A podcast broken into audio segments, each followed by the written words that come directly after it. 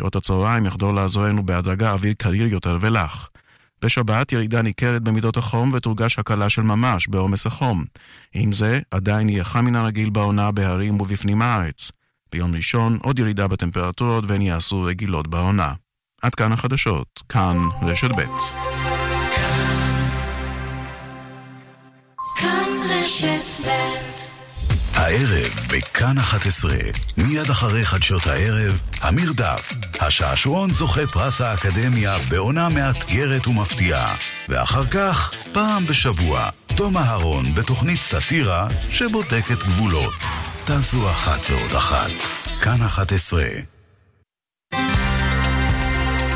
כאן רשת ב' ערן זינגר כאן רשת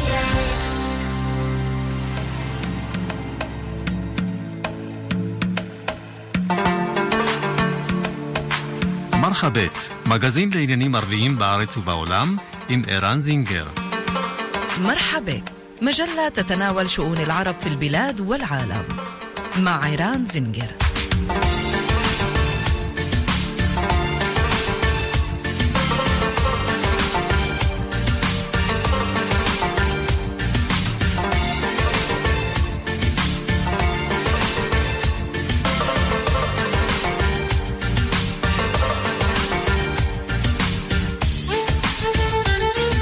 מאזינות ומאזינים. מרחבה, כאן רשת ב', מרחבת. האלימות בחברה הערבית ממשיכה להשתולל. ברשתות החברתיות בערבית יש מי שמשתמשים במילה אירהאב, טרור. עוד מעשה רצח, עוד משפחה אבלה, עוד הפגנה נגד אוזלת ידה של המשטרה, ועוד ישיבה של ועדת המעקב של ערביי ישראל. ונראה ששום דבר לא משתנה. נשוחח על המצב עם השחקנית היאם דיאב ועם אברהים בכר, איש חינוך מחיפה. במעבר חד מהרציחות והאלימות המתפשטת, נשוחח על מי שפועלים להציל חיים.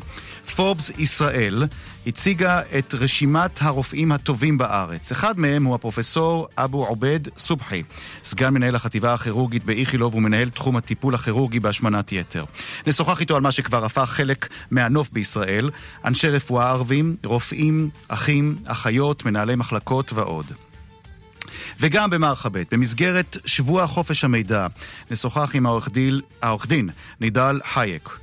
הוא מנסה לקדם מנהל תקין ברשויות המקומיות הערביות, עד כמה הוא מצליח? נשאל אותו. חודש רמדאן כעת, ובמוסדות האקדמיים סטודנטים מוסלמים רבים מתפללים במתחמים שיועדו לכך.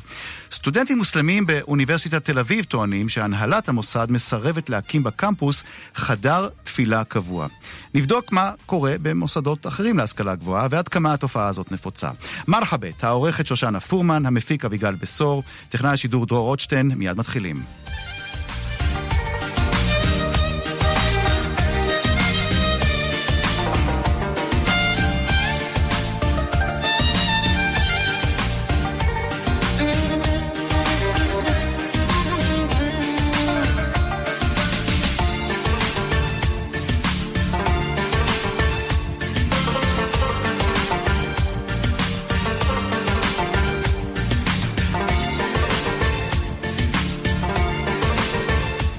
אנחנו פותחים עכשיו אה, בענייני האלימות אה, מן הסתם. בימים האחרונים עוד ועוד אה, דיווחים על הרציחות, על הנרצחים. הנה רק חלק מהשמות של הזמן האחרון. ויסאם יאסין נרצח בטמרה.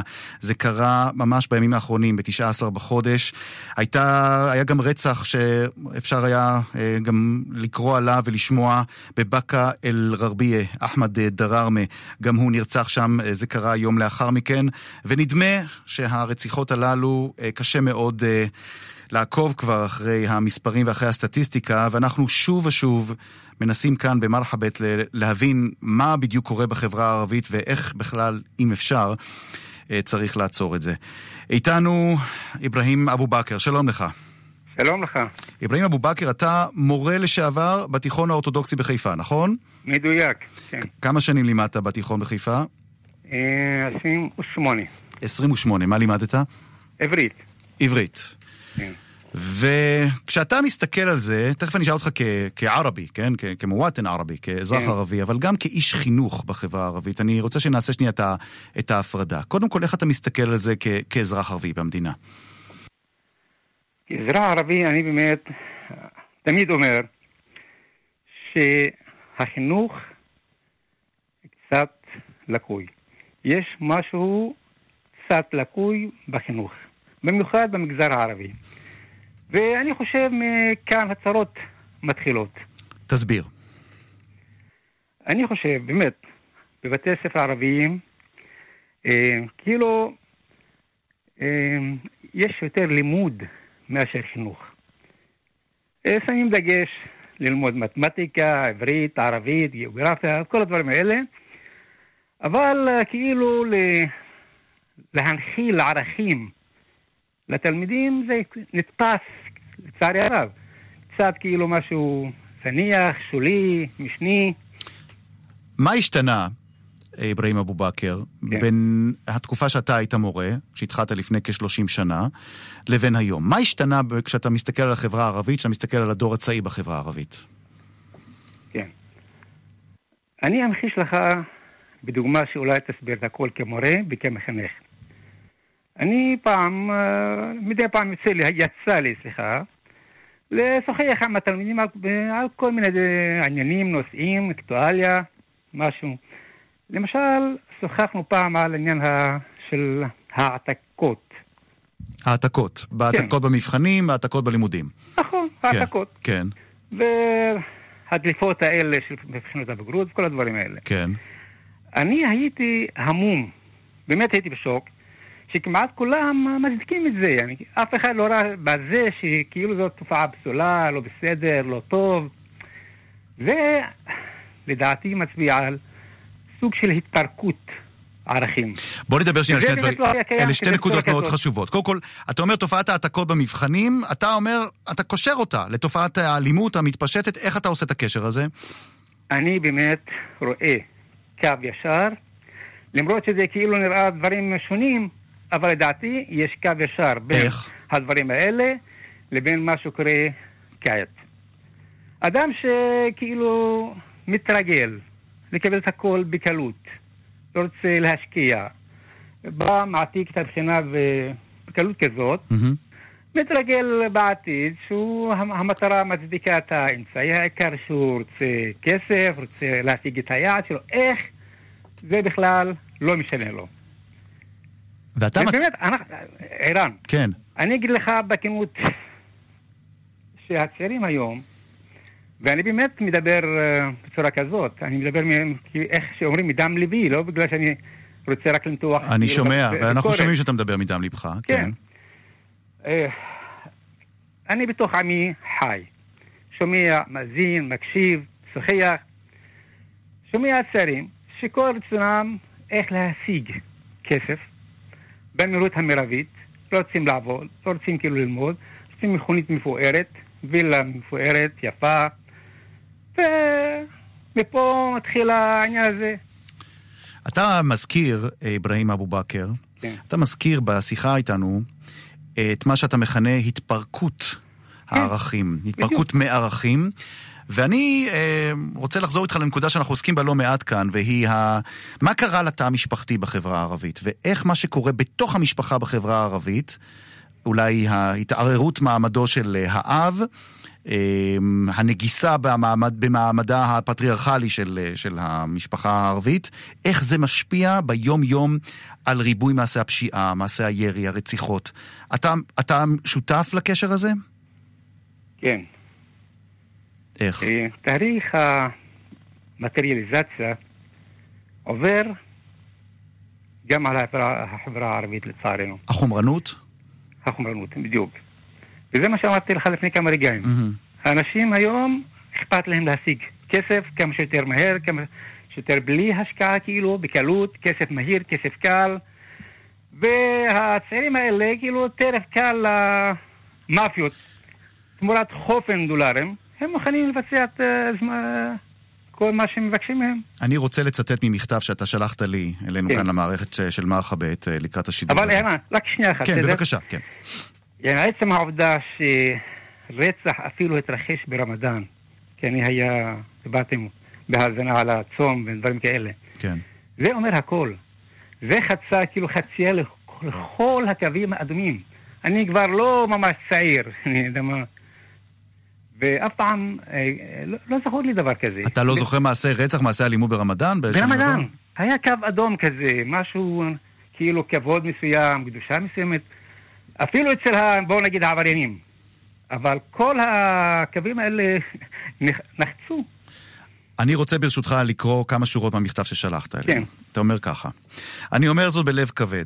החברה הערבית עושה לעצמה עבודה קלה בכך שהיא תמיד מנסה לפטור את עצמה מאחריות ולגלגל את האחריות כולה לפתחה של המשטרה. גורמים רבים צועקים בקול ניחר על אוזלת ידה של המשטרה בטיפול בפשיעה במגזר הערבי, ומפנים אצבע מאשימה כלפיה על התפקוד הלקוי כשמדובר בערבים. אינני בא כאן לסנגר על המשטרה וגורמי החוק. אין עוררין על כך שהמשטרה אינה עושה די למיגור האלימות בחברה הערבית, וחלק גדול מהאחריות מוטל על כתפיה.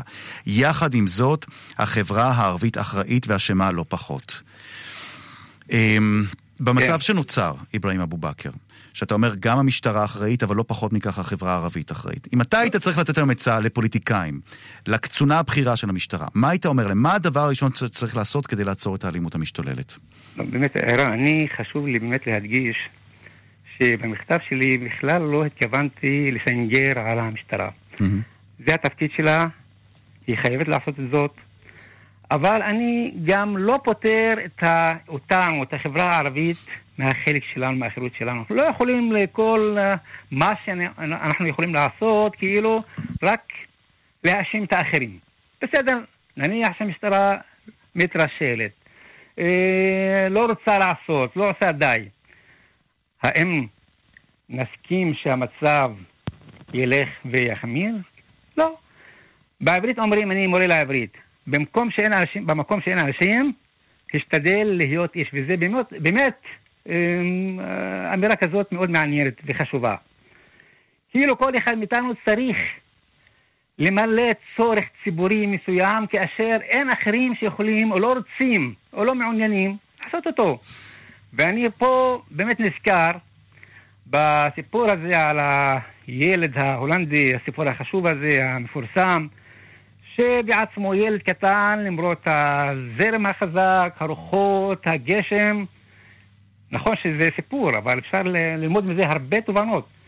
ניסה לעצור את הזרם הזה כאשר שם את האצבע שלו על ה... נכון? על החור, בס... על החור כן, אבל בספר. נראה שאת הזרם הזה אי אפשר לעצור.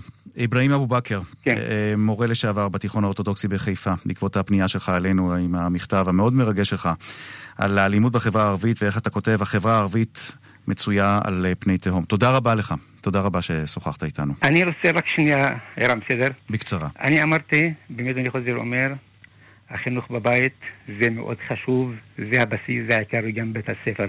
אני מצטער לומר שאנחנו נרדמנו בשמירה, ואני לא מחריג, לא מחריג את עצמי.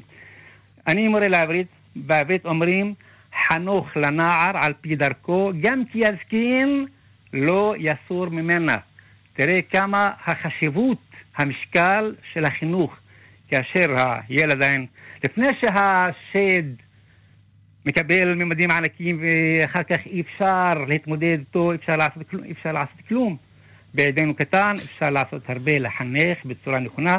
תלמיד שקיבל חינוך טוב, אני חושב, אני מאמין שאין שום סיכוי שבעולם שיישא רובה או נשק ויירה באחר. זה הכל מתחיל בחינוך. אברהים אבו תודה רבה. בחינוך. תודה רבה לך. תודה רבה על תודה רבה הדברים לך, האלה. תודה. ועוד uh, בעניין הזה, ויסאם יאסין מטמרה, בן 44, נרצח השבוע במרכז העיר. הסרטון שמתעד את הרצח שלו הופץ ברשתות החברתיות, והעלה עוד את מפלס המתח והתסכול בתוך החברה הערבית. לפני זמן קצר שוחחנו כאן במלחבית עם היאם דיאב, היא תושבת טמרה, היא שחקנית uh, תיאטרון, והיא מדברת איתנו על הרצח של השכן שלה, על ההפגנה שהשתתפה בה השבוע, וגם על ההשפעה של מעשי האלימות והרצח על הילדים. הנה. שלום להיאם דיאב. שלום, שלום ערן. השחקנית היא אמדיאב. הכרת את uh, ויסאם? כן, שם שכן שלנו, השכן הכי קרוב בשכונה, כן. ומקרה הרצח קרה ממש מול הבית שלנו. מה את יכולה לספר? מה את יודעת? או מה, מה, מה ראית? מה שמעת אחרי הרצח שלו? את האמת שאנחנו הגענו כמה דקות אחרי הרצח. לשמחתי שלא שמעתי את היריות. באותן דקות הגענו והנרצח היה זרוק על הרצפה, מלא בדמים. אה, ונושם את הנשמות האחרונות שלו. וכמה זה נפוץ, מעשים כאלה בטמרה? אני חושבת שבתקופה האחרונה יש משהו שמתרחש, שאנחנו עכשיו בודקים וחושבים לעומק מה אכן קורה. יש יריות, כן, כל הזמן יש יריות, אה, דווקא בשנה הזו. אני חושבת שזה קשור גם לבחירות, גם לכל העניין של החמולות והמשפחות. אה, זה קשור לבחירות באיזשהו כיוון. אה, יריות כל הזמן יש, אבל לראות מקרה של שכן שנרצח באכזריות כמו שראינו, זה לא היה. זה לא היה, לכן הייתה המהומה והיה רעש גדול. כשאת מסתכלת גם על מה שקורה בטמרה, ובכלל על מה שקורה בלווסט אל-ערבי, בחברה הערבית בישראל, כן. מה התובנות שלך? אני חשבתי ואמרתי בקול רם בהפגנה, שקודם כל אנחנו צריכים לבדוק את העניינים הפנימיים שלנו. לעשות ביקור, ביקורת עצמית על החברה אה, שבתמרה ועל החברה הערבית כולה, ולהתחיל לחפש מה קורה ואיך זה קורה ומה אנחנו צריכים לעשות לטווח קצר ולטווח ארוך. Mm-hmm. אבל השאלה הכי גדולה עכשיו, וזה מה שעצבן אותי, וזה מה שהוציא אה, אה, אותי מהבית להבהין מול המרכז למשטרה, אני חושבת שהממשלה והמשטרה בישראל יש לה חלק גדול במה שאנחנו חיים היום. כשאת אומרת הפגנה, את מדברת על אותה הפגנה של תושבים, נכון? מטמרה כן. וממקומות אחרים שבאו לשפרעם, נכון? הם הפגינו כן. מול תחנת המשטרה בשפרעם השבוע. נכון. אמ, מי הם האנשים? כשאת צריכה לשרטט פרופיל של, של אה, התושבים שבאו מהיישובים הערביים להפגין מול תחנת המשטרה בשפרעם, מי הם האנשים שיוצאים להפגין? מי, מי, מי הכי כואב את מה שקורה עכשיו? לצערי, המשפחות של הקורבנות היו שם. המון, לא רק מטמרה, גם משפרעם, גם מאעבלין וגם אה, אה, כפרים אחרים. אה, מי שכן זז לו ומי שעניין אותו ומי שעדיין יש, יש לו תקווה שלבנים שלו יהיה עתיד נאור יותר, יצא מביתו בצום רמדאן תחת חם השמש ועמד מול המשטרה. לצערי, המספר היה לא כל כך גדול, אני אישית קיוויתי שכל אם, כל אם, כואב לה הלב, כל אם דואגת, תצא מהבית שלה, לא חשוב מה, לא חשוב מה, לא חשוב הזמן, לא חשוב שבירת צום, לא חשוב uh, מזג אוויר, לא חשוב כלום. לצאת מהבית ולצעוק, לצעוק צעקת אם שרוצה עתיד שקט, עתיד אה, אה, עם ביטחון לילדים שלנו. אנחנו איבדנו את זה, ואני אישית על סף שיגעון כאימא. אה, זהו, זאת, זאת הנקודה שאני רוצה לשאול אותך על, על הילדים. את בעצמך שחקנית בהצגות ילדים, את מופיעה הרבה מאוד אה, מול ילדים. מה אירועי הרצח האלה, היא המדיאב? מה האירועים האלה עושים לנפש של הילדים, הילדים הקטנים, שנחשפים לזה, נחשפים גם לתמונות וגם אה, לדיבורים בבית, אה, ולשמועות, ולסיפורים ששומעים מהשכנים ומהמשפחות? מה שאני רוצה, שזה לא יהיה המצב הרגיל שהילדים יתרגלו אליו. אני אישית הייתי נגד כל מי שהפיץ את הסרטון. הסרטון זעזע את כל החברה הערבית, לא רק את החברה הערבית. כל מי שראה את הסרטון הזדעזע. זה סרטון, בוא נזכיר, זה סרטון שבו רואים את הרצח של ויסאם יאסין, נכון? כן, כן, אני, אני חזרתי למקרה הזה דווקא כי זה המקרה הכי, הכי אה, גרוע שקרה בטמרה.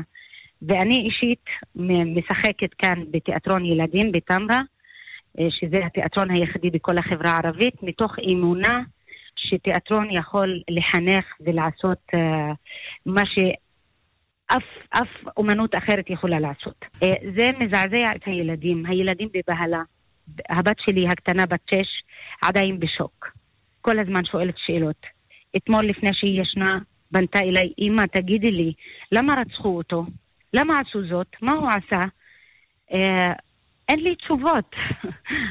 אין לי תשובות, אני רק מחבקת ונותנת לה תקווה שזה יסתיים ושזה ישתנה והכל יהיה בסדר, אמא, הכל יהיה בסדר עד שהיא אה, נרדמה. היאם, היאם דיאב, השחקנית היאם דיאב מטמרה, אה, בעקבות הרצח של אה, ויסאם יאסין. מטמרה, שבוע עוד רצח בשורה ארוכה של מעשי רצח ואלימות בחברה הערבית. נתמנא לג'מיענה, אייam אסהל. אה, ואסעד. שיהיו לנו ימים שמחים אה, ורגועים יותר. תודה, תודה רבה לך על השיחה הזאת. תודה. מיד חוזרים עם ערן זינגר. היי, hey, כאן חנוך דאון. חברים, בואו נדבר תכלס. כשמדובר בביטוח רכב, אני לא רוצה שיעשו לי נעים בגב. אני רוצה שיעשו לי מחיר, כמו שירביט. מה כבר ביקשתי? חדש, שירביט עושה לכם מחיר. ביטוח רכב במחיר שיעשה לכם טוב. ועכשיו, גם חודשיים מתנה בביטוח המקיף לרכב. תגידו שדאון שלח אתכם. כוכבית 2003 שירביט כפוף לתנאי המבצע. צמאים למשהו בריא? הצטרפו עכשיו למבצע של מי עדן. רכשו את בר המים המתקדם עדן סטורם, ותקבלו כרטיס דרימקארד בשווי 300 שקלים מתנה. מי עדן, כוכבית 2929, כפוף לתקנון. אני המנכ"ל של העסק הזה, ואני אומר לכם, הוא שואב ממני את כל האנרגיות. למה שלא נחליף למשאבות ירוקות וחסכוניות? מהיכן ניקח את הכסף? קריינצ'יק, תסביר לו!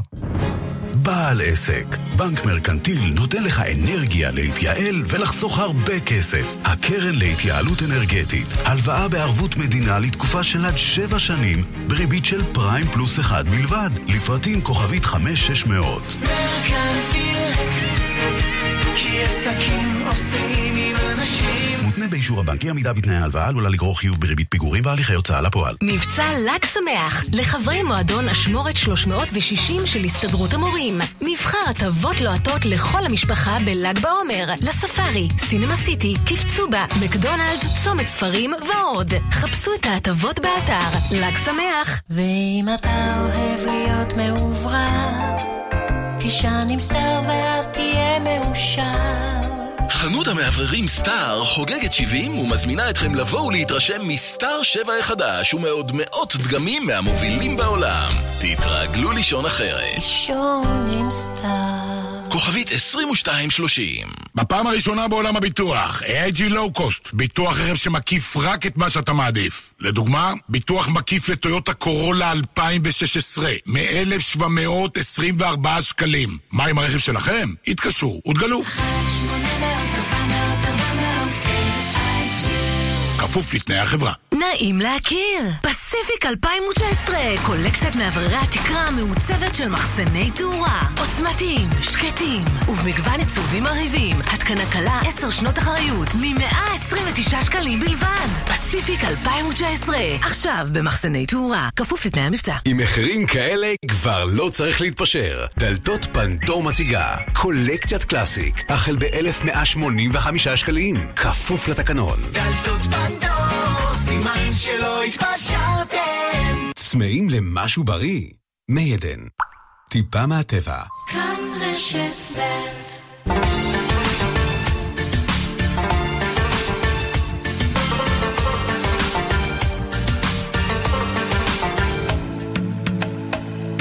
עשרים ושבע דקות עכשיו אחרי שתיים אה, מרחבת, ואחרי ששוחחנו על האלימות ומעשי אה, הרצח בחברה הערבית, אולי עכשיו נדבר קצת עם מי ש... עם הצד השני של המתרס, מי שפועלים להציל אה, חיים. פורבס ישראל הציג בימים האחרונים את רשימת הרופאים הטובים בארץ, ויש שם רשימה מכובדת של עשרות רופאים ערבים. אחד מהם הוא הפרופסור אבו עובד סובחי, סגן מנהל החטיבה הכירורגית באיכילוב, וגם מנהל תחום הטיפול הכירורגי בהשמנת יתר. שלום לך. שלום, שלום. פרופסור סובחי, אה, נתחיל במברוק.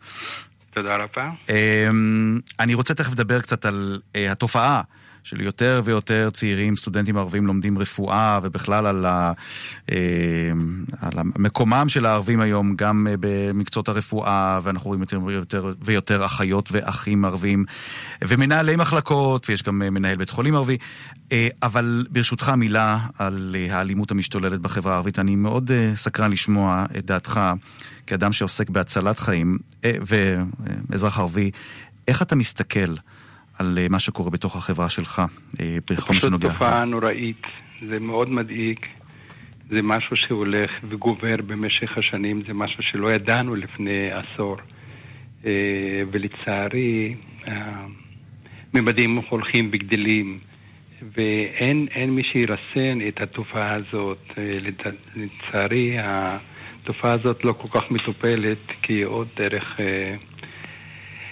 דרך האגפים או דרך החלקים שצריכים לטפל בתופעה הזאת. כזה דבר לא היה קורה ביישובים יהודיים, כי מישהו דואג שם יותר, אבל ברגע שקורה רצח בכפר ערבי, אז זה בסדר, אז היה עוד רצח, היה עוד רצח, וככה זה קורה. אין חקירות, מרבית המקרים לא מפוענחים, והתיקים נסגרים, והתופעה הולכת ו... ומתפשטת, וזה מאוד מדאיג. אני רוצה, אני מאוד סקרן לשמוע על השיח שיש לך עם הקולגות, הרופאים אה, הערבים אה, והאחים והאחיות, שאתם מגיעים לעבודה ו... ו ומדברים על מה שקרה אה, ב, בימים האחרונים ועל מעשי הרצח החוזרים ונשנים. מה, מה אומרים? מה, מה מסיקים? מה, איזה מסקנות מפיקים? תראה, כמעט כל יום יש אירוע של תקיפה, של ירי ושל רצח, וזה דברים שמאוד מאוד מדאיגים. זאת אומרת, כולם באים, באים כולם מתוסכלים. היה עוד רצח פה, אולי זה רצח בטעות, אולי לא בטעות, וכולם יודעים, כאילו בסדר, אז ירו, ברחו, יש איזה אה, צוות חקירה. אבל מזה לא יוצא שום דבר, וחבל. אין, אין, אין מספיק אה, השקעות בכדי לעלות על היורים ולהביא אותם לדין. זה, זה מדאיג, זה מתסכל. אני, אני חייב לשאול בנקודה הזאת, כשאתה מגיע ל, לבית החולים ואתה משוחח עם הקולגות היהודים, מי שאינם חשופים ביום-יום למה שקורה ביישובים הערביים, עד כמה הקולגות שלך אה, מופתעים לשמוע על המציאות שאתה מספר להם, על, על, על היריות ועל מעשי האלימות? עד כמה בכלל הציבור היהודי לדעתך מודע, פרופסור סובחי, למה שקורה ביישובים הערביים? האמת היא שלאחרונה, כל הקולגות שלו חושבים שזה הפך להיות מעין שגרה בכפרים. כאילו, אתה רב עם מישהו, במקום ללכת ולשבת ולדבר, אולי בית משפט או משהו, אז uh, גומרים את זה אחרת, וזה הפך להיות מעין נורמה, נורמה פסולה. ופשוט הקולגות שלו חושבים שככה זה עובד שם. ואני יודע שהמון מהחברים שלי שגרים בכפרים עוזבים את הכפרים ועוברים לגור בערים. עוברים לגור בחיפה, בעכו, אה, בתל אביב, ביפו. הם פשוט לא רוצים לגור בכפר יותר, כי גם לא רוצים להיות את הקורבן הבא שאולי גם בטעות.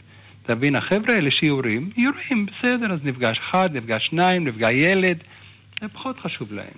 וזה זה מאוד מדאיג וזה מתסכל.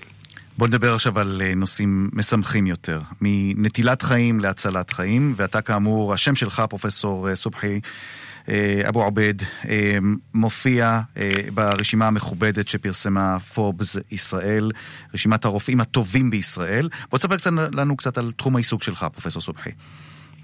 אני סגן מנהל חטיבה כירורגית בבית חולים איכילוב, אני גם ב-25 שנים האחרונות אני עוסק בניתוחים, בעיקר בניתוחים בשל עודף משקל.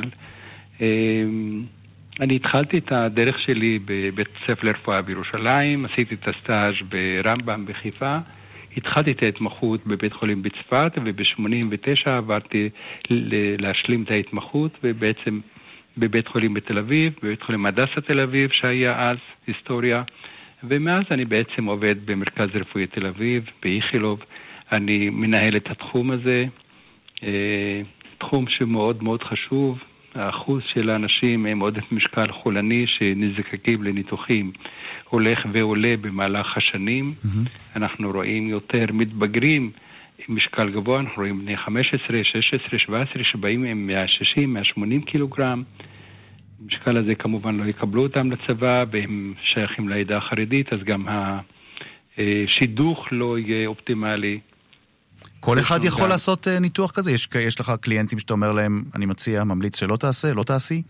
כמובן, יש המון, יש המון קריטריונים שאנחנו צריכים לשים לב למי שבא לעודף משקל, גם משרד הבריאות עוקב אה, בצורה מאוד קפדנית אה, אחרי כל הנתונים. כל חולה שמועמד לניתוח בריאטרי חייב לעבור עיבוד בכדי לוודא ולהעריך את הסיכון הניתוחי ולוודא שאין לו הפרעה אנדוקרינית.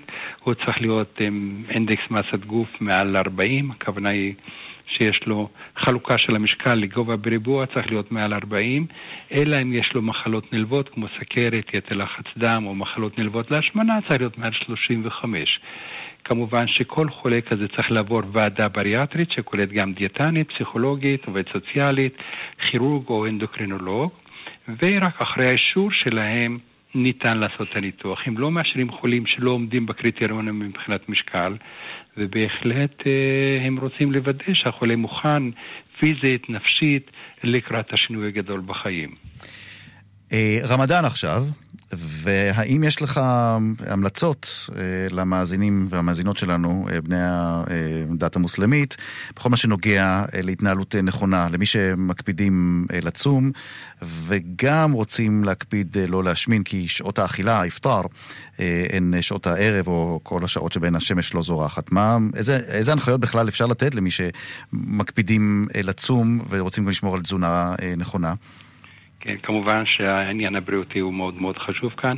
אנחנו בעיקרון לא מאפשרים, לא ממליצים לאנשים שנה אחרי הניתוח לצום, רק אחרי שנה ולוודא שהם מרגישים טוב מבחינת כמויות הארוחות ומבחינת המצב הכללי שלהם ובדיקות הדם שלהם.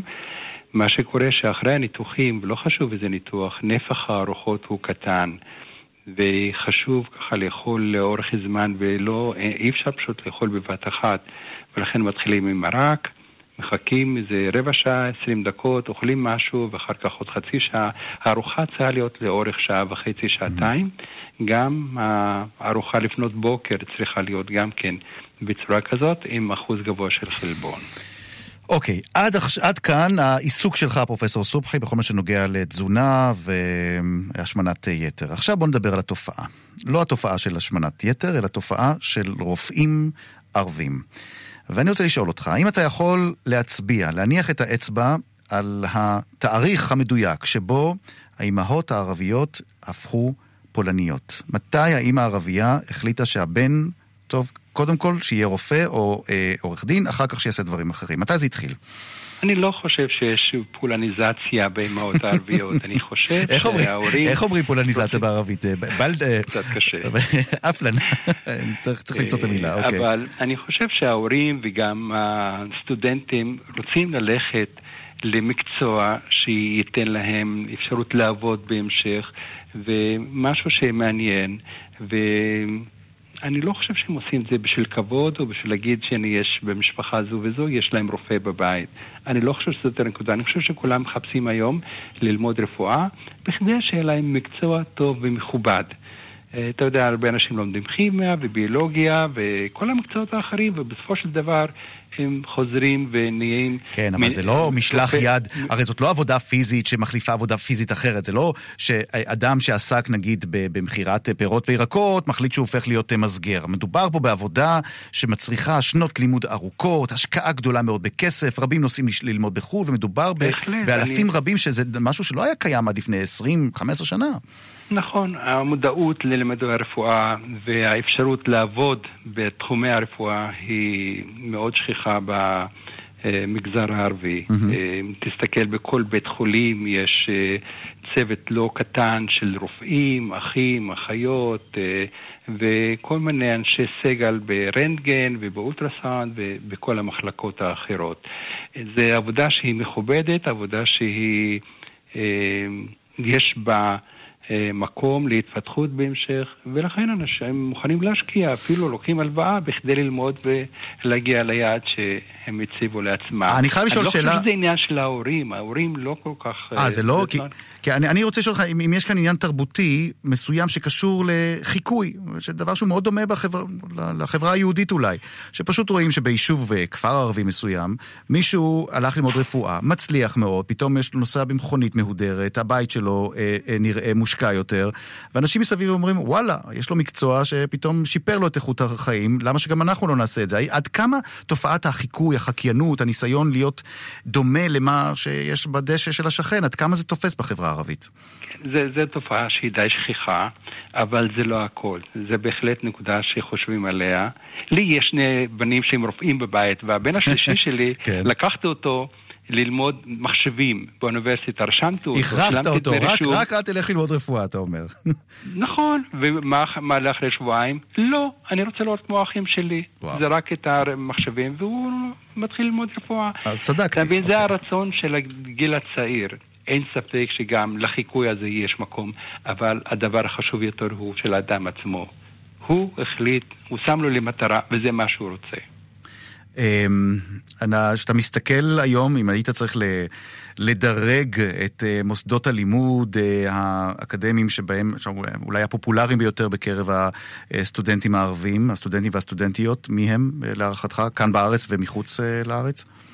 אני למדתי בירושלים ואני חושב שזה המוסד הכי מכובד, שלא רק מלמדים רפואה, אלא נותנים גם חינוך רפואי. ומאוד חשוב גם לא רק ללמוד איך לטפל בחולה, אלא איך לגשת לחולה, איך, איך ללוות אותו ואיך לשמור עליו. וזה משהו שלא ראיתי בהרבה מקומות. לצערי, מרבית הסטודנטים הערבים לומדים בחו"ל, ואתה יכול לבחור מרוסיה, לטביה, רומניה, הונגריה, איטליה, צרפת, גרמניה, אה, מכיוון שמספר אה, בתי הספר לרפואה בארץ לא יכול אה, לקבל יותר, יש גם לא מעט סטודנטים שלומדים גם בירדן, ושם הרמה היא מצוינת. כן, היא מצוינת בירדן? כן, אם אתה מסתכל על בחינות uh, סוף לפני הסטאז' ואתה רואה שמירדן יש את האחוז הגבוה ביותר של עוברים את הבחינה mm-hmm. בהצטיינות. Mm-hmm. ואחר כך מי שמגיעים לארץ וצריכים לעשות את ההשלמות, אה, אה, השלמות קשות אחר כך למי שמגיעים למשל לא, ממזרח לא, אירופה? הם לא צריכים לעשות השלמות, הם ניגשים לבחינה. לפני הסטאז', עוברים את הבחינה ומתחילים סטאז'. מעניין. אה, מילה שלך, מסר שלך למי שבוחרים בחברה הערבית ללכת ללמוד רפואה, מה המסר שלך? קודם כל מדובר כאן על מקצוע שהוא לא רק בשביל לעבוד ולהרוויח כסף ולקנות רכב, אלא מדובר כאן על דרך חיים.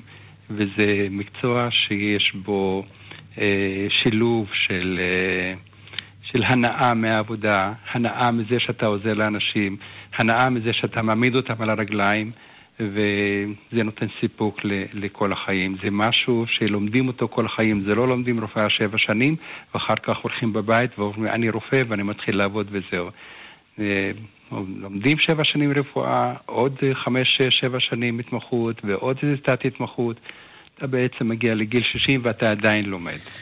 פרופסור סובחי אבו עובד, סגן מנהל החטיבה הכירורגית, בית החולים איכילוב, מנהל תחום הטיפול הכירורגי בהשמנת uh, יתר. תודה רבה, מברוק על, ה... על צירוף שמך לרשימה, אחד מהרופאים הטובים בישראל על פי פורבס ישראל, ונוסיף גם שלא נזדקק לך. תודה רבה, שיהיה לך המשך יום נעים. תודה רבה. כאן רשת ב'. כאן רשת ב' מיד חוזרים עם ערן זינגר. אני לא עושה לעצמי הנחות, אבל אני ממש אוהבת לקבל אותן. pre-sale בקבוצת גולף, 40% הנחה בגולף, גולף אנד קו, גולף קיטס, פולגת, קיטן ואינטימה. בתוקף עד 26 במאי, כפוף לתקנון. על הפריטים שבמבצע. רואים טוב יותר, חיים טוב יותר. יום הראייה בישראל, רואים ששש בשישי לשישי, ביוזמת שמיר אופטיקה. רוצים שבקיץ הזה המשפחה שלכם תשתה יותר ויותר מים? צמאים להצעה יותר ויותר משתלמת? ימים אחרונים למאי סייל בשטראוס מים. התקדמו עכשיו לאחד מברי המים תמי 4 ותיהנו ממחיר מיוחד לזמן מוגבל. שטראוס מים, כוכבית 6944 או באתר. בתוקף עד 26 במאי 2019, כפוף לתקנון. על פי סקר TNS, מרץ 2019. מעכשיו בעלם ורק עד מוצאי שבת, מגוון מוצרי חשמל ואלקטרוניקה במכירה מיוחדת. מהרו, המבצע עד מוצאי שבת בלבד ב... כפוף לתנאי המבצע. רוצים שבקיץ הזה המשפחה שלכם תשתה יותר ויותר מים? צמאים להצעה יותר ויותר משתלמת? ימים אחרונים למאי סייל בשטראוס מים. התקדמו עכשיו לאחד מברי המים תמי 4 ותיהנו ממחיר מיוחד לזמן מוגבל. שטראוס מים, כוכבית 6944 או באתר. בתוקף עד 26 במאי 2019, כפוף לתקנון. על פי סקר TNS, מרץ 2019. אני רוצה, אני רוצה רוצים מכונית? היכנסו לאוטוסנטר וטענו מהנחה עד 30 אלף שקלים על מגוון ענקי של רכבים. אוטוסנטר, כוכבית 2332, כפוף לתנאי המבצע. שלום, מדבר גידי גוב. בצעירותי חלמתי לפתוח עסק מצליח, חנות או משרד או מוסך, אבל לא היה B144 שנותן לעסקים שירותי פרסום דיגיטליים, ועוד במבצע מטורף של שלושה חודשים בחצי מחיר. אז ויתרתי. אתם תהפכו את העסק שלכם לאימפריה. חפשו בגוגל דיגיטל B144 או התקשרו, כוכבית 9144, כפוף לתקנון. האם יש טכנולוגיה שיכולה לסייע בהצמחה מחודשת של שיער? האם אפשר בכלל לעצור את הידלדלות השיער ואת ההתקרחות? ולמי יש סיכוי גדול יותר להצליח בזה? לנשים או לגברים? אם תתקשרו 1-800-665544, תקבלו לנייד שלכם סרטון ומידע חיוני הקשור בבלימת הידלדלות השיער בקרב נשים וההתקרחות בקרב גברים, ותלמדו על הצמחה מחודשת של שיער טבעי. לקבלת המידע, 1-800-665544. אני רוצה, אני רוצה מכונית באוטוסנטר, רוצה לקנות מכונית. רוצים מכונית? היכנסו לאוטוסנטר וטענו מהנחה עד 30 אלף שקלים על מגוון ענקי של רכבים. אוטוסנטר, כוכבית 2332, כפוף לתנאי המבצע. כאן רשת ב'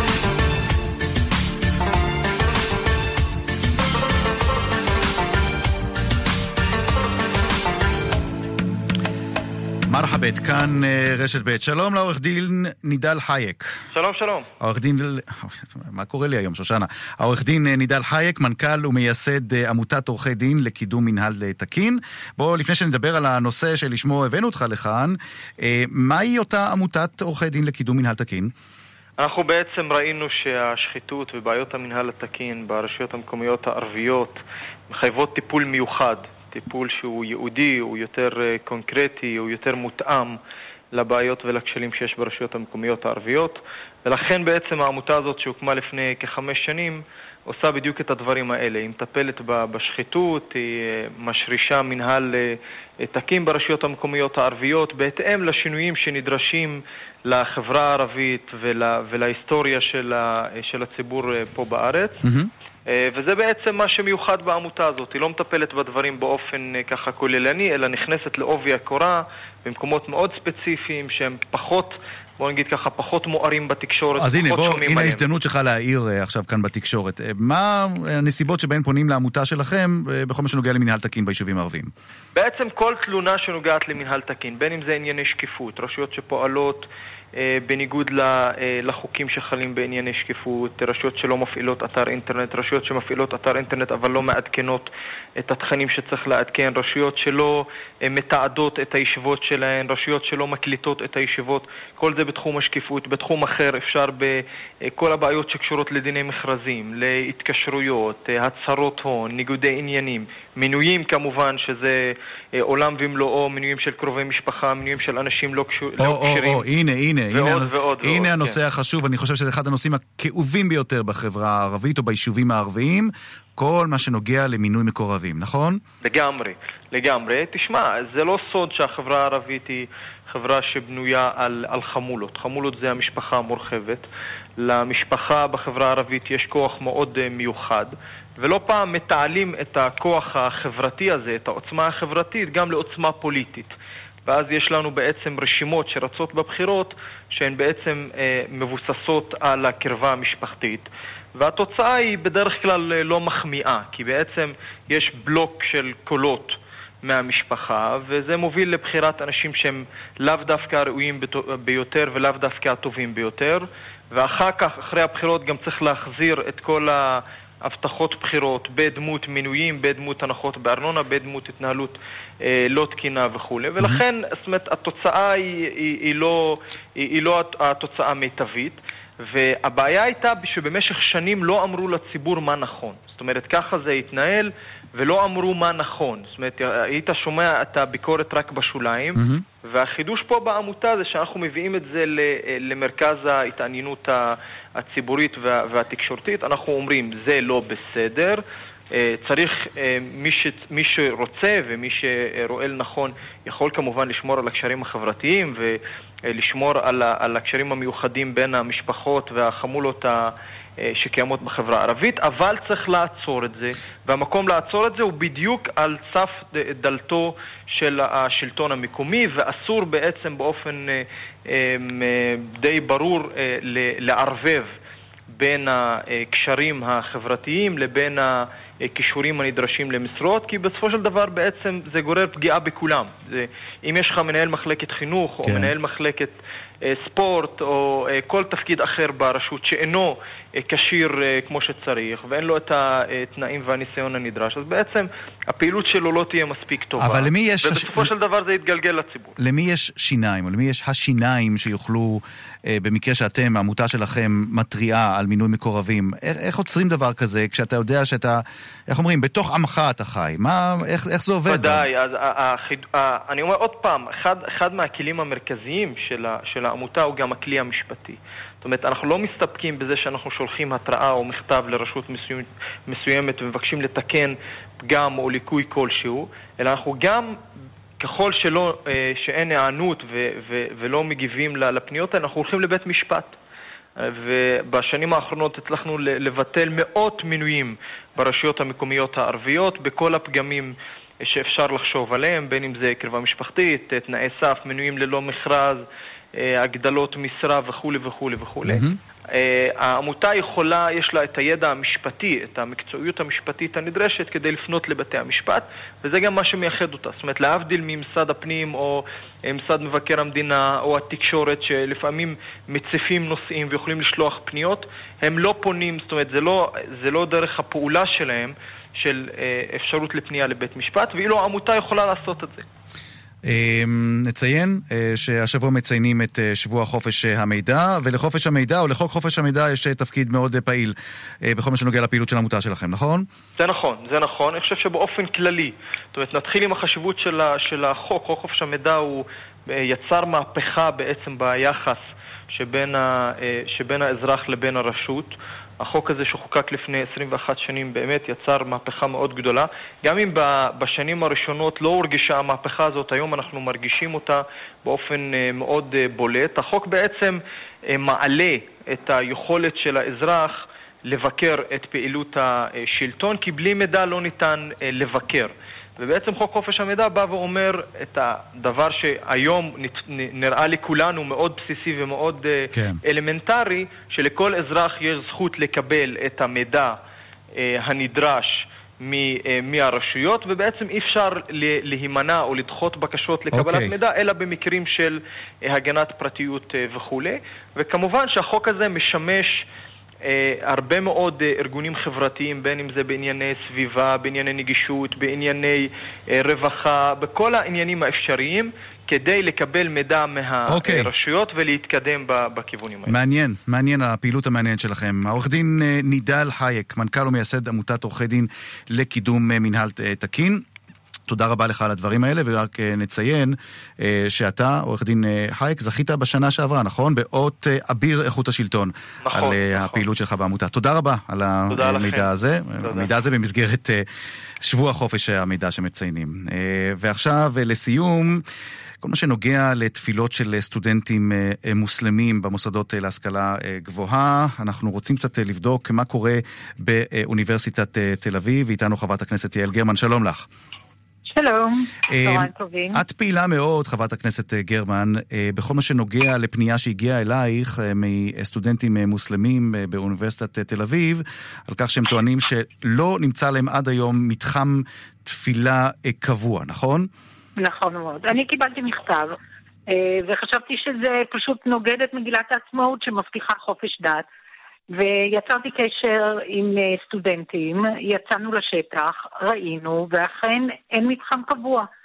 יש איזשהו מתחם ארעי שבעיניי לא ראוי, יש איזשהו מתחם במעונות הסטודנטים שהוא רחוק, מרחק של רבע שעה הליכה, אבל מתחם קבוע, הכי צנוע שבעולם, אין. ומה מה הנוהג? מה, מה, מה קורה במקומות אחרים? אה, למיטב ידיעתי, בבר אילן ישנם שני מתחמים. באוניברסיטת ירושלים, באוניברסיטה העברית, יש שלושה מתחמים. בטכניון ישנו גם כן. זאת אומרת שבאוניברסיטאות הגדולות בהחלט נהוג, במקום ששם לומדים לפחות עשרה אחוז, ולפעמים אפילו יותר, סטודנטים אה, וסטודנטיות ערביות וערבים, נהוג לתת להם מתחם צנוע כדי שיוכלו להתפלל ולא יצטרכו אה, לשבת על הדשא. אה, להשתרע על הדשא זה לא ראוי, לא מכובד, לא מכובד, לא לאוניברסיטה בואי נצרף ברשותך. חברת הכנסת גרמן, את אה, מוחמד אה, חלילה. שלום לך. שלום, שלום. אתה מסכנין, נכון? נכון מאוד. אמ, ואתה לומד, אה, אתה כבר שנה שישית בפקולטה לרפואת שיניים באוניברסיטת אה, תל אביב. אמ, מה, כשאתה ביקשת להתפלל, אה, מה התשובה שאתה קיבלת ומה המצב שאתה אה, מתמודד איתו שם? העניין הזה, אני כבר שש שנים באוניברסיטת תל אביב, זה עניין שהוא אכן אה, מדאיג. אין לנו, כאילו, בית תפילה היה מאז באוניברסיטת תל אביב בית תפילה קבוע. אנחנו מקודם, כאילו, באיזשהם, אה, אה, אנחנו כאילו מנסים כל הזמן כאילו להתפלל באיזשהו מקומות שאנחנו לא נפריע לאנשים ואנשים לא יפריעו לנו, אבל יש מצבים, למשל אם יורד גשם בחוץ או משהו כזה, אז אנחנו נאלצים להתפלל בספריות. וזה עשיתי כאילו במשך שש שנים, אבל בכל פעם כמעט שאני מתפלל בספרייה, ברגע שמנהל הספרייה שם לב שאנחנו מתפללים שם, לפעמים הוא ניגש אלינו ומחכה, לפעמים הוא מחכה לנו עד שאנחנו מסיימים, ואז הוא אומר לנו שזה אסור, ומאיים עלינו שהוא צריך תעודת הזהות שלנו, וזה יגיע לוועדת משמעת ולא יודע מה, ולפעמים גם הוא קטע אנשים... למה, למה שזה יגיע באמצע לוועדת. אה, משמעת? האם, האם יש בכך מי שרואים בכך אה, מין אה, אקט פוליטי, או שפשוט לא מבינים שזה צורך דתי שלכם כמו של כל בני דת אחרת? אני לא יודע, הם טוענים שזה מפריע כאילו אנשים ש... שעוברים כאילו משם בספרייה, למרות שאנחנו באמת בוחרים איזשהם מקומות שהם אה, ממש בקצה של הספרייה, וזה זה כאילו לא, לא, זה לא פתרון אידיאלי, שאנחנו מתפללים בספ- בספריות, התפללנו כאילו עד עכשיו, אבל אה, לצערי הרב, אה, כאילו זה, זה מה שהיה. יעל גרמן. אה, יאמר לזכות כן. האוניברסיטה שב-2017 הם פתחו לתקופת הרמדאן. בית תפילה זמני, שנה שעברה גם פתחו בית, בית תפילה זמני ב-2018, והוא נשאר פתוח עד ה-20 לינואר.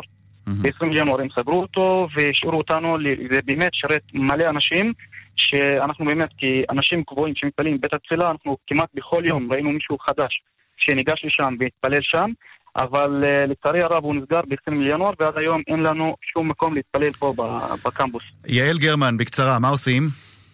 אה, אנחנו מספר חברי כנסת, ערבים ויהודים, חתמנו על אה, בקשה, פנינו לנשיא, פנינו דרך אגב גם למנכ"ל, אבל הוא לדאבוני לא השיב לי טלפונית. התשובה שיש לנו, לצערנו הפנייה מתבססת על מידע חלקי, ספק אה, אה, מטעה שהופץ על ידי גורמים שונים. נבקש להעביר ולהעמיד דברים על דיוקם. באוניברסיטה בתל אביב קיים ופועל חדר תפילה קבוע לסטודנטים מוסלמים בבניין מעונות איינשטיין, סמוך לכניסה לקמפוס. נכון, המ- יש באמת בבניין המעונות, אני הייתי שם באוניברסיטה, אני גם למדתי, והמרחק מהאוניברסיטה, ממרכז האוניברסיטה למעונות, הוא בין עשר דקות לרבע שעה, ותאר לעצמך שארבע פעמים, התפילות הן לדעתי אפילו חמש, צריכים הסטודנטים לרוץ רבע שעה לשם, רבע שעה בחזרה. זה לא מכובד, זה לא מכבד, אבל אני יכולה לומר, יש לי בשורה יפה, שנכנס נשיא חדש, נשיא הסנאט, והוא אה, דיבר איתי אדם אדיב ונחמד ונעים. ואולי אה, אולי הוא יביא את הבשורה. טוב, כן, בוא נראה נראה אם הוא יטפל בזה. חברת הכנסת גרמן, תודה רבה. מוחמד אה, חלילה מסכנין, שלומד באוניברסיטה בתל אביב, תודה רבה. אנחנו נמשיך לעקוב כאן במרחבת אחרי הסוגיה הזאת של תפילות הסטודנטים באוניברסיטה בתל אביב ובכלל. מרחבת, העורכת שושנה פורמן, המפיק אביגל בשור, טכנאי השידור דרור רוטשטיין, אני רן זינגר. עד השבוע הבא. תודה רבה על ההאזנה. כאן רשת ב'.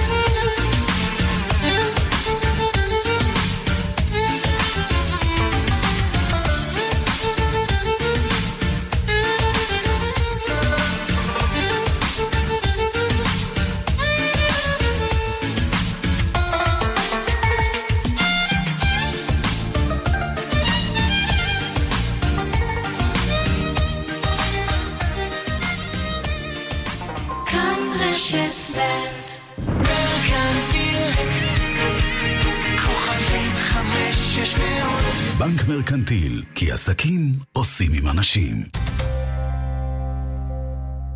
הערב בכאן 11, מיד אחרי חדשות הערב, המרדף, השעשועון זוכה פרס האקדמיה בעונה מאתגרת ומפתיעה, ואחר כך, פעם בשבוע, תום אהרון בתוכנית סאטירה שבודקת גבולות. תעשו אחת ועוד אחת. כאן 11. יגאל. כן, מני. בדקתי בעניין כלי רכב לעובדים, צריך להגדיל תקציב. מחירים וידאת? כן. תנאים, השווית? בוודאי. ובאופרייט בדקת? אה, זאת אומרת, דודה שלי, כאילו, האקווריום ב... לא בטוח? תהיה בטוח! לא סוגרים לפני שבודקים באופרייט. ליסינג תפעולי אמין ומשתלם ביותר. חייגו לאופרייט, הילדים הטובים של עולם הרכב. כוכבית 5880. אני לא עושה לעצמי הנחות, אבל אני ממש אוהבת לקבל אותן. pre-sale בקבוצת גולף, 40% הנחה בגולף, גולף אנד קו, גולף קיטס, פולגת, קיטן ואינטימה. בתוקף עד 26 במאי, כפוף לתקנון. על הפריטים שבמבצע. מעכשיו בא.ל.מ ורק עד מוצאי שבת, מגוון מוצרי חשמל ואלקטרוניקה במכירה מיוחדת. מהרו, המבצע עד מוצאי שבת בלבד ב... כפוף לתנאי המבצע. צמאים למשהו בריא? הצטרפו עכשיו למבצע של מי עדן. רכשו את בר המים המתקדם עדן סטורם, ותקבלו כרטיס דרים קארד בשווי 300 שקלים מתנה. מי עדן, כוכבית 2929, כפוף לתקנון. הולנדיה טו וול, חגיגת טמפור בהולנדיה, במחיר שמגיע רק פעמיים בשנה. מיטה זוגית מ-9,900 שקלים, ומיטה מתכווננת מ-19,900 שקלים. הולנדיה, כפוף לתקנון. רוצים שבקיץ הזה המשפחה שלכם תשתה יותר ויותר מים? צמאים להצעה יותר ויותר משתלמת? ימים אחרונים ל May sale בשטראוס מים. התקדמו עכשיו לאחד מברי המים תמי 4 ותיהנו ממחיר מיוחד לזמן מוגבל. שטראוס מים, כוכבית 6944 או באתר. בתוקף עד 26 במאי 2019, כפוף לתקנון. על פי סקר TNS, מרץ 2019. מחקרים מעידים כי סידן תורם לשמירה על העצמות ועל השיניים, וגם הוא נמצא בצנטרום עם עוד 26 ויטמינים ומינרלים. ועכשיו, צנטרום במבצע 25% הנחה ברשתות הפעם ובתי מרקחת נבחרים, כפוף לתנאי המבצע. צנטרום, המולטי ויטמין הנמכר ביותר בעולם. עם מחירים כאלה כבר לא צריך להתפשר. דלתות פנדור מציגה קולקציית קלאסיק, החל ב-1185 שקלים, כפוף לתקנון. דלתות פנדור, סימן שלא התפשרתם. צמאים למשהו בריא? מי עדן. טיפה מהטבע. מעכשיו בעלם ורק עד מוצאי שבת, מגוון מוצרי חשמל ואלקטרוניקה במכירה מיוחדת. מהרו, המבצע עד מוצאי שבת בלבד ב... כפוף לתנאי המבצע. רגעי קסם עם גדי לבנה. כאן, אחרי החדשות. כאן רשת ב'